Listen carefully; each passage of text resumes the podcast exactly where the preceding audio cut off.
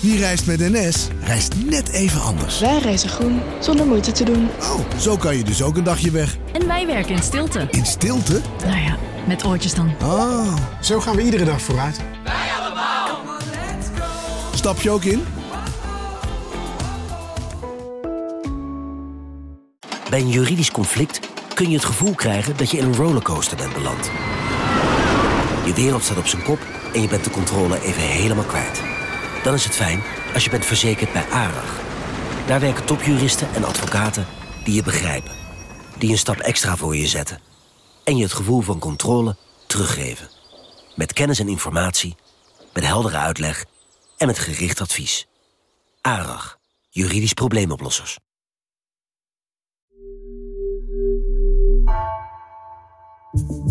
Vanaf de redactie van NRC het verhaal van vandaag.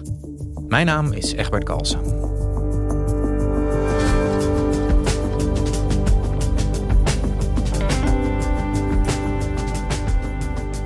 Australische militairen hebben in 2010 in Afghanistan burgers en krijgsgevangenen geëxecuteerd. Nederlandse militairen werkten destijds nauw samen met hen, vertelt defensieverslaggever Karel Berghout. Wist Nederland dat de Australische troepen oorlogsmisdaden pleegden? Een rapport met de antwoorden lijkt spoorloos te zijn verdwenen.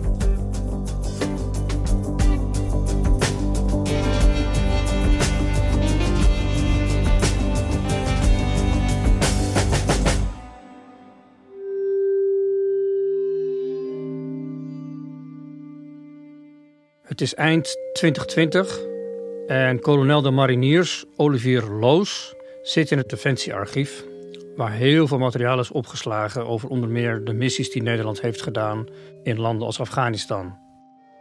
Hij zit daar aan een tafel en een archivaris heeft hem heel behulpzaam wat bruine dozen aangereikt, waarin zwarte schijfjes zitten met witte stickertjes die verwijzen naar de missie in Uruzgan. Hij begint al die schijfjes te bekijken één voor één. Hij leest ze uit, hij bekijkt de documenten en hij vindt van alles. Foto's, soms zelfs porno, plaatjes, kaarten, berichtjes. Maar hij vindt niet wat hij zoekt. Waar was die kolonel precies naar op zoek? Kolonel Loos heeft van de top van het ministerie van Defensie de opdracht gekregen om op zoek te gaan naar een zogeheten special report. Dat report is gemaakt in Afghanistan in 2010, toen Nederland daar zat in Uruzgan. En daarin staat een getuigenis over een Afghaanse burger die omgebracht door Australische militairen en daarbij waarschijnlijk ook is gemarteld. En dat betekent dus dat in ieder geval een deel van de Nederlandse krijgsmacht op dat moment op de hoogte was van een mogelijke oorlogsmisdaad door de Australische militairen. Op dat moment stonden de schijnwerpers al op oorlogsmisdrijven door eh, Australische militairen in Afghanistan. Eind 2020 was er een zeer- heel groot onderzoek gepubliceerd in Australië over oorlogsmisdrijven van Australische Special Forces. Goedemorgen. Commando's van het Australische leger hebben in Afghanistan 39 burgers en gevangenen vermoord. Vooral in Uruzgan. Het gebeurde tussen 2009 en 2013. In sommige gevallen waren het executies uitgevoerd door jonge militairen als soort ontgroeningsritueel. This shameful record includes alleged instances in which new patrol me- members were coerced to shoot a prisoner in order to achieve that soldier's first kill in an appalling practice known as blooding. En Karel, waarom zijn die Nederlanders zo bezig met wat die Australiërs daar eh, misdaan zouden hebben? Nou ja, Australiërs waren onze bondgenoot. Nederland zat tussen 2006 en 2010 in Uruzgan. En wij waren daar, zoals het heette, lead nation. Dus wij waren echt de belangrijkste krijgsmacht daar. En we werkten daarbij heel nauw samen met de Australiërs. Door die samenwerking kwam na de publicatie van het rapport natuurlijk al snel de vraag op: waren Nederlanders dan ook op een of andere manier betrokken? Het antwoord is nee. Daar is geen sprake van, er is geen enkele aanwijzing voor. De vervolgvraag is natuurlijk: waren Nederlanders dan op de hoogte? Daar leek het lange tijd ook niet op. Maar samen met onderzoeksjournalist Esther Rosenberg heb ik onderzoek gedaan. En daarbij hebben we ontdekt dat in 2010 Nederlandse militairen gehoord hebben over een mogelijk oorlogsmisdrijf. Australische militairen zouden een Afghaanse burger hebben gemarteld en vermoord. Daarvan hebben ze een zogeheten special report gemaakt. Dat hebben ze verspreid, digitaal en op papier. Maar er is destijds niks mee gebeurd. En nu, meer dan tien jaar later, blijkt het ook verdwenen te zijn.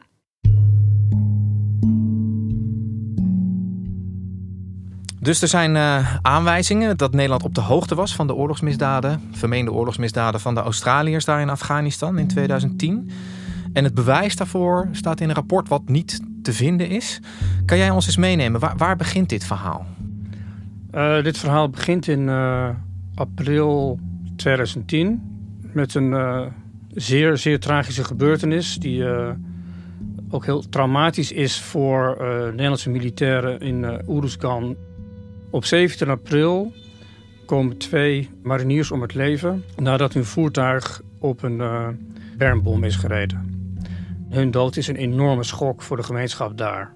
Er is natuurlijk ook meteen een roep om actie om de dader te vinden. De Nederlandse militairen gaan op zoek en krijgen een aanwijzing van de uh, Australiërs, die zelf ook uh, heel veel inlichtingen verzamelen daar.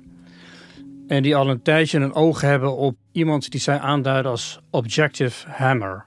Ze wijzen aan waar hij woont en zeggen dat is jullie man. De Nederlandse militairen gaan met uh, Afghaanse militairen uh, naar zijn huis en ze arresteren hem samen met twee andere vermeende Taliban-strijders. Vervolgens wordt deze persoon overgebracht naar uh, Kamp Holland en daar wordt hij verhoord. En ze komen tot de constatering: dit is niet Objective Hammer. Dit is een boer. Er zijn en daarvoor hebben ze een aantal aanwijzingen voor. De bronnen die ze zelf raadplegen zeggen dat tegen ze.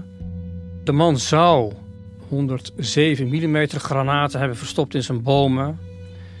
Hij zegt: uh, Ik heb hele kleine boompjes, hoe moet ik daar van die granaten in verstoppen? Die informatie checken ze blijkt zeer sprieterige boompjes uh, te hebben. En nogmaals, hun conclusie is na vier dagen, en ze mogen vier dagen vasthouden, dit is hem niet. En ze laten hem vrij. Dat laat ze ook aan de Australiërs weten.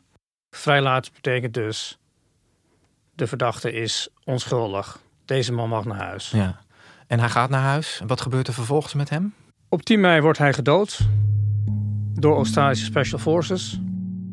Dat gebeurt in een vuurgevecht. Zo zegt tenminste de, het Australische ministerie van Defensie in een persbericht. Samen met twee andere uh, Taliban-leiders. Die boodschap landt ook in uh, Kamp Holland. Die denken, potverdrie, hebben wij ons werk niet goed gedaan? Hebben wij niet voldoende duidelijk gemaakt dat deze man volgens ons niet een Taliban-leider was? Enige tijd later komt er een lokale bron naar Kamp Holland. Uh, een zeer geëmotioneerde toestand. En die heeft een heel ander verhaal over wat er is gebeurd met die man. Hij vertelt dat die man uit zijn huis is gehaald, is gemarteld, doordat zijn wangen zijn ingesneden en zijn tong naar buiten getrokken en door het hoofd geschoten. Dus die Afghaanse man is niet alleen dood, maar hier is ineens een verklaring dat hij ook gemarteld zou zijn en dat hij geëxecuteerd is eigenlijk. Ja. Hoe, hoe wordt daarop gereageerd door de Nederlanders? Wat doen zij vervolgens met deze informatie van die bron? Om te beginnen stellen ze vast dat het een hele betrouwbare bron is. Ze kunnen de informatie zelf natuurlijk niet verifiëren, maar ze vinden hem belangwekkend genoeg en geloofwaardig genoeg om er in ieder geval een rapport van te maken van wat die man verteld heeft. En dat is het Special Report. En dat gaat dan, zoals dat heet, de lijn in. Dat wil zeggen dat het digitaal wordt gedeeld met de MIVD, dus de Militaire Inlichtingen en Veiligheidsdienst. Er worden ook twee e- papieren exemplaren gemaakt. Eén daarvan wordt aan een belangrijke inlichtingenofficier verstrekt. En een ander exemplaar wordt naar het bureau gebracht van de commandant van de hele missie op, op zijn kantoor. Ja. Dat is wat jullie nog hebben kunnen achterhalen wat er met Ja. het rapport gebeurd is. Uh, het is inmiddels onvindbaar. Wat zou er dan normaal gesproken met zo'n rapport moeten gebeuren? Nou, De commandant heb ik gesproken. En die zegt, ja, ik weet niet of het rapport bestaat. Ik heb het nooit gezien. Maar had ik het gehad, dan had ik beslist uh, Den Haag gealarmeerd. En dan hadden we een onderzoek gestart. En dan was er van alles in beweging gekomen. En dat zou inderdaad heel normaal zijn geweest. Of dan Nederland onderzoek had moeten starten, is een tweede. Het kan zijn dat Nederland het aan Australië had moeten melden. En dat Australië onderzoek had moeten starten. Maar in elk geval, het moet gemeld worden en het moet worden onderzocht. Dat is eigenlijk wat het, uh, wat het internationaal recht hier voorschrijft. En dat is niet wat er met dit rapport gebeurd is? En dat is niet wat er is gebeurd. En dat is nogal raadselachtig. En daarna uh, raakt het ook eigenlijk in de vergetelheid. De missie in Oeruzgan wordt eigenlijk kort daarna afgerond. In augustus 2010, dus eigenlijk maar een paar maanden later. En het verdwijnt naar de achtergrond tot het plotseling weer in beeld komt aan het einde van, van 2020. Jonge militairen van de Australische speciale eenheden moesten Afghaanse gevangenen vermoorden. In sommige gevallen als een ontgroeningsritueel. Australia's elite troops raid an Afghan village. A young man is captured. He seems to be unarmed. Do you want me to kill him? The soldier shouts at his commander. Quick, no! Quick! There are shots. The prisoner is dead. Shameful is the verdict of Australia's army chief. The unlawful killing of civilians and prisoners is never acceptable. En Karel, dat, uh, dus in, in, in 2020 kom, uh, komt dat onderzoek naar buiten over die misdragingen van die Australiërs. Hè, in ja. die periode dat ze daar nauw samenwerkten met Nederland. Uh, hoe is daar vervolgens in Nederland op die onthullingen gereageerd? Ja, ja nou, de Tweede Kamer reageert geschokt en geschrokken. Sjoerd Sjoerdsma stelt indringende vragen hierover.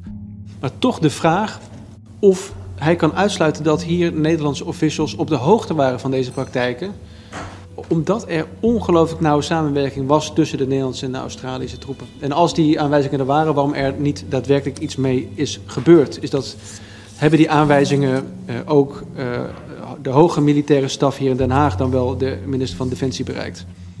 Minister Stef Blok, uh, dan nog van Buitenlandse Zaken. Nou, die antwoordt en die belooft de Kamer ook dat het er heel goed naar gekeken gaat worden. Hij spreekt erover dat er met de stofkam. natuurlijk nog eens uh, door de dossiers gaan, maar niet alleen door dossiers. En Blok zegt dan, ik kom er nog op terug in antwoorden op schriftelijke vragen. Een paar weken later komen die antwoorden. En daarin staat, daags na verschijning van het Australië-rapport... is er bij ons een melding binnengekomen van een militair... over kennis die Nederland mogelijk had over een Australisch oorlogsmisdrijf. Ja, dat is dat special report waar, waar deze aflevering over gaat.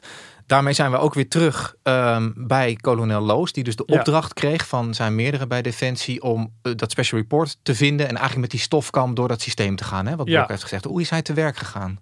Hij is het archief gaan zitten en heeft eigenlijk zo'n beetje alles opgevraagd wat er in die periode over Oeroezekant te vinden is. En daar is hij gewoon in gaan zoeken. En hij heeft betrokkenen bevraagd, zoals natuurlijk ook in de opdracht stond. Degene die het rapport ontvangen zouden moeten hebben, zoals die inlichtingenofficier en zoals die toenmalige commandant van de taskforce Uruzgan. En die wisten allemaal van niets. Ja. Konden zich niets herinneren. Nou, hij is dus door alle uh, harde schijven die hij kon vinden, is hij heen gegaan. Die bron lijkt uitgeput. En dan denkt hij, dan ga ik maar op zoek naar de papieren exemplaren. Hij gaat uit van één papieren versie. Wij weten dat er twee papieren versies uh, geweest moeten zijn. Maar hoe dan ook, hij gaat een papieren versie zoeken en dan gaat hij weer voor naar het militaire archief.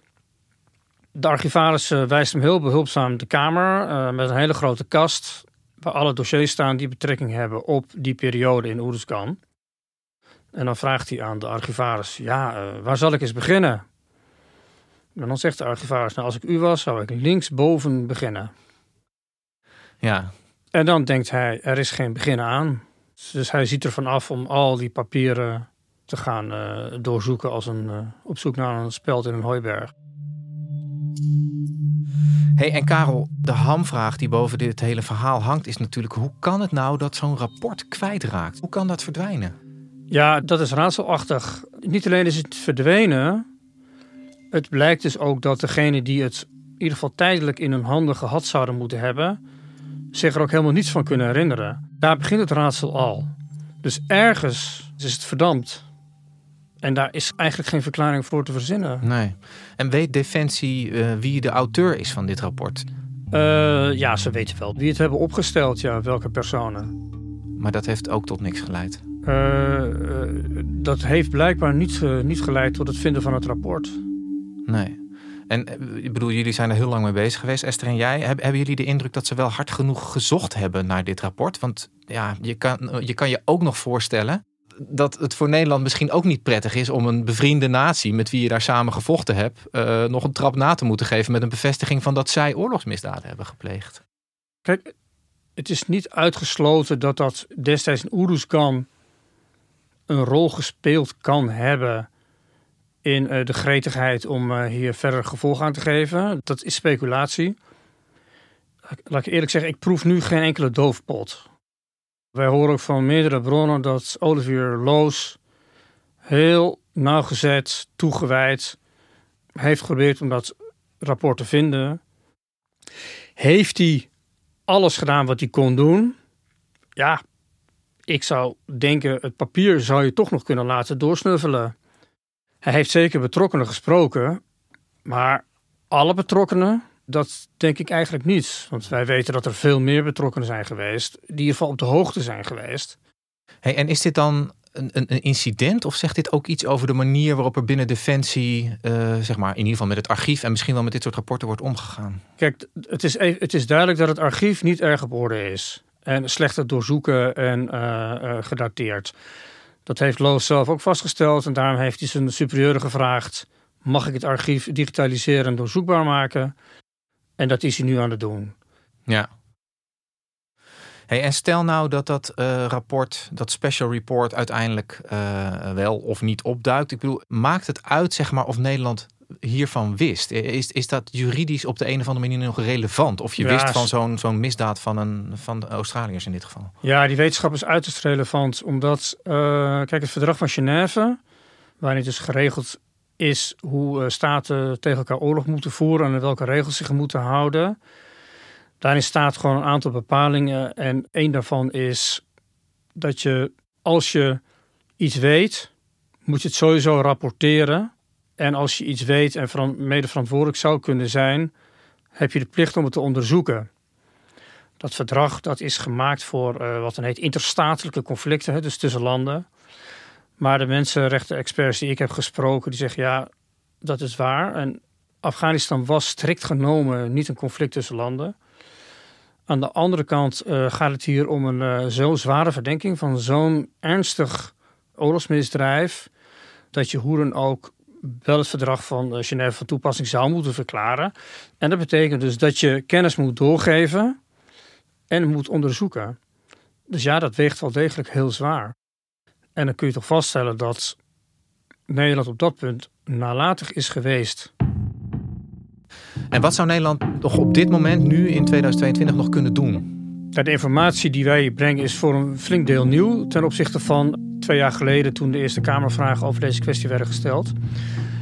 Dus het is niet onaannemelijk dat de politiek eh, hier weer op zal reageren en ook weer mogelijke vervolgstappen zal willen zetten.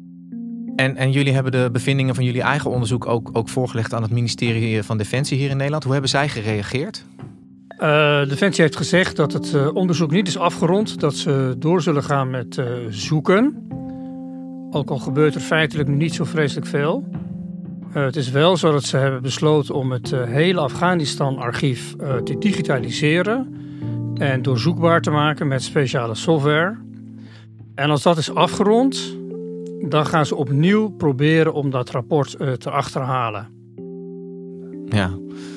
En wat, wat denk jij? Gaat het ooit nog boven water komen? Ja, nou ja, dat is speculatie. Ja, ik sluit het niet uit.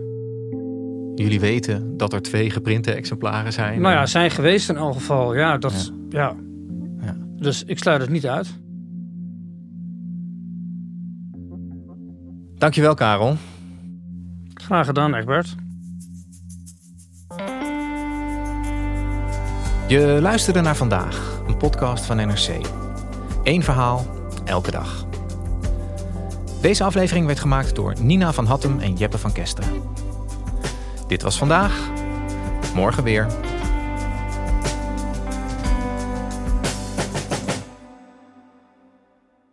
We zijn heel benieuwd wat jij van onze podcasts vindt. Je helpt ons enorm door een korte vragenlijst in te vullen op nrc.nl/slash podcastonderzoek. Dankjewel.